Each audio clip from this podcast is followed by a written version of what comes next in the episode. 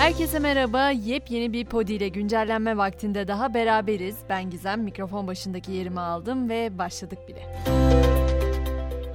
44 binden fazla can alan Kahramanmaraş merkezli depremlerin üzerinden tam 3 hafta geçti ve bugün öğle saatlerinde meydana gelen sarsıntı yine yıkım yarattı. Malatya'nın Yeşilyurt ilçesinde meydana gelen 5,6 büyüklüğündeki depremde bir kişi yaşamını yitirdi, 110 da yaralı olduğu duyuruldu. Arama kurtarma çalışmaları sürerken enkaz altından da bir kişi kurtarıldı.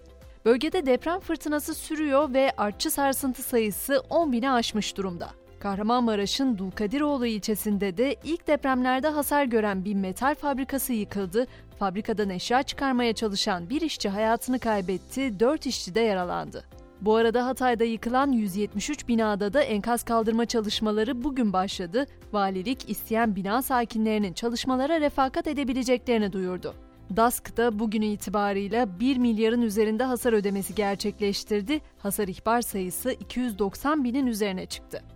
Siyasetin kalbi de bugün Adıyaman'da attı. Cumhurbaşkanı Erdoğan, MHP lideri Bahçeli ile birlikte Adıyaman'daydı. Depremin ilk günü arzu edilen çalışmaların yapılamadığını dile getiren Erdoğan, Adıyaman'dan helallik istedi. Öte yandan Erdoğan, OHAL bölgesindeki illerde faaliyet gösteren kooperatifler için sarmalı kıyılmış tütündeki %55 olan ÖTV'nin yarı yarıya indirildiğini açıkladı.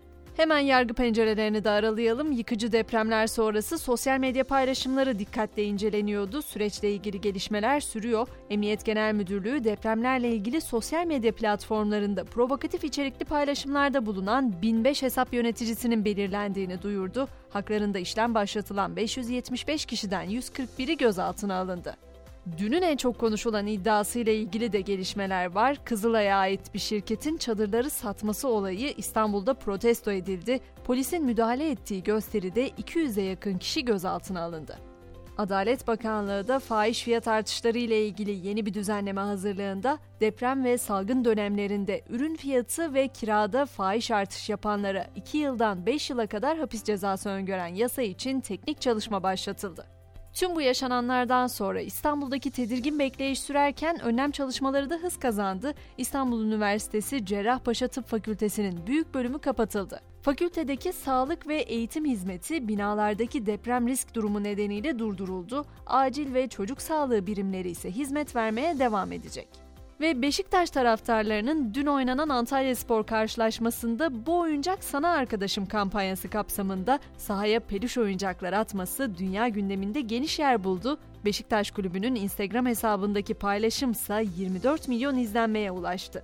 Deprem başlığını böyle özetlemiş olalım ve hemen biraz da gündemin diğer sıcak başlıklarına göz atalım. Kamuoyu vicdanını derinden etkileyen dava ile ilgili gelişmeler var. 6 yaşındaki çocuğun istismarı ve evlendirilmesi skandalı ile ilgili ikisi tutuklu 3 sanığın yargılanmasına devam ediliyor. Sanıklar bugün savunmalarını yapacak. İngiltere'de de evlilik sınırı yükseltiliyor. İngiltere ve Galler'de yeni bir kanunla yasal evlenme yaşı 18'e çıkıyor. Peki kaçtı ki diye sorarsanız şöyleymiş.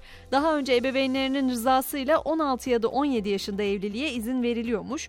Daha küçük çocuklar için de resmi makamlara bildirilmeden evlilik töreni düzenlenmesine karşı bir yasa bulunmuyormuş. Şimdi yürürlüğe girecek bu yeni düzenlemeyle bu törenler de kapsam dahilinde olacak. Hükümet bunun çocukların korunmasına yardımcı olacağını belirtiyor. Çin'e baktığımızda ise ABD teknolojisi yaptırımlarına bir yenisini daha eklediğini görüyoruz. Çin, yapay zekayı propaganda yapmak için kullanabileceği endişesiyle ChatGPT adlı popüler sohbet programını engelledi. Uzmanlara göre yasak ChatGPT'nin Çin Komünist Partisi'nin ideolojisine aykırı yanıtlar üretmesinden kaynaklanıyor. Suların hiç durulmadığı Twitter'a baktığımızda ise birkaç ay önce Twitter Genel Merkezi'nde uyku tulumu ve göz bandıyla uyurken fotoğraflanan kişiyi hatırlayacaksınızdır. Easter Crawford'dan bahsediyorum. Onun bir anda hayatı değişmişti. Fotoğraflardan önce orta seviye bir yönetici olan Crawford çok çalışmayı destekleyen yeni patron Elon Musk'ın gözüne girip şirkette üst düzey bir pozisyona gelmişti. Ancak yöneticilik tecrübesi birkaç ay sürdü ve genç kadın Musk tarafından işten çıkarıldı. Biz Türkiye'de buna ne diyoruz? Maaşa zam, işe son. Artık spor diyelim. Deneyimli teknik direktör Ersun Yanal yeniden Süper Lig'e dönüyor. Yanal'ın Alanya Spor'dan ayrılan İtalyan teknik adam Farioli'nin ayrılığı sonrası göreve gelmesi bekleniyor. Potadaki heyecandan da söz edelim. A milli erkek basketbol takımımız bu akşam FIBA 2023 Dünya Kupası elemeleri ikinci turunda grubundaki son maçında deplasmanda Belçika ile karşılaşacak. Maç saat 22.30'da başlayacak. Ve güncelleni bu akşam Peyami Safa'nın sözleriyle sonlandıralım istiyorum. Eğer siz de benim gibi yaşanan felaketler sonrası ne kadar uzakta olursa olsun ruhunu bir türlü toparlayamamış olanlardansanız işte o hissettiğimiz duyguların nedeniyle ilgili en güzel tespit bu cümle olabilir diye düşünüyorum. Ölüm bir eve girince sağ kalanları da biraz öldürüyor. Yarın sabah yeniden görüşelim olur mu? Şimdilik hoşçakalın.